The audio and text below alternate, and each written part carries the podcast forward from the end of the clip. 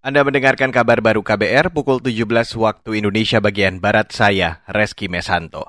Saudara Kementerian Perindustrian saat ini tengah memproduksi minyak goreng curah untuk masyarakat. Hal ini sesuai peraturan Menteri Perindustrian tentang penyediaan minyak goreng curah untuk kebutuhan masyarakat, usaha mikro dan usaha kecil dalam kerangka pembiayaan oleh Badan Pengelola Dana Perkebunan Kelapa Sawit atau BPD PKS. Menurut Menteri Perindustrian Agus Gumiwang Kartasasmita, Produksi minyak curah dilakukan untuk merespon kelangkaan minyak goreng di beberapa daerah di Indonesia. Kata dia, peraturan tersebut baru terbentuk dan diterapkan sehingga masih belum menampakkan hasil di lapangan. Namun ia memperkirakan hingga akhir Maret perindustrian bisa menghasilkan 8 hingga 9 ribu ton minyak goreng per hari. Sementara kebutuhan harian minyak untuk masyarakat hanya 7 ribu ton per hari. Ia berharap dengan adanya produksi tambahan dari perindustrian, minyak goreng curah tidak lagi langka dan harga jual bisa disesuaikan dengan HET pemerintah. Masih seputar minyak goreng, saudara. Sebagian besar masyarakat di Yogyakarta beralih ke minyak goreng curah ketimbang minyak goreng dalam kemasan. Hal itu dilakukan usai pemerintah mencabut harga eceran tertinggi atau HET minyak goreng kemasan dan mengembalikan ke harga keekonomian.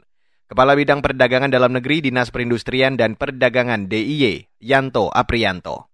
Jadi saat ini tuh mesti terjadi ini ya kelangkaan minyak goreng dan suplai dari hulu ya dari pabrikan itu nggak lancar.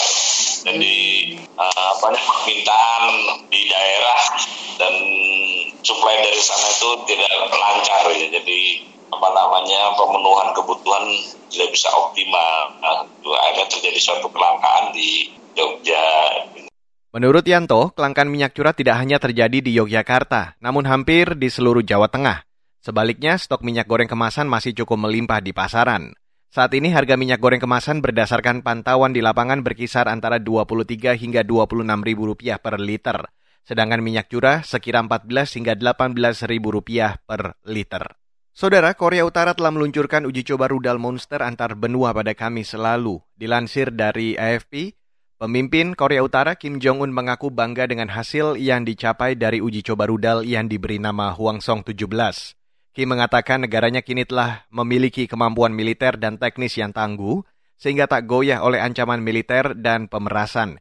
Ia juga menyebut Korea Utara sepenuhnya siap berkonfrontasi jangka panjang dengan Amerika Serikat. Hwasong 17 diklaim sebagai rudal paling kuat yang diluncurkan Korea Utara sejak 2017. Rudal itu dipercaya memiliki jangkauan yang lebih tinggi dan lebih jauh dibandingkan ICBM. Sebelumnya, Korea Selatan, Amerika Serikat hingga Sekjen PBB Antonio Guterres mengecam peluncuran misil tersebut. Mereka menyebut peluncuran itu sebagai pelanggaran nyata korut terhadap resolusi Dewan Keamanan. Dan saudara, demikian kabar baru saya Reski Mesanto.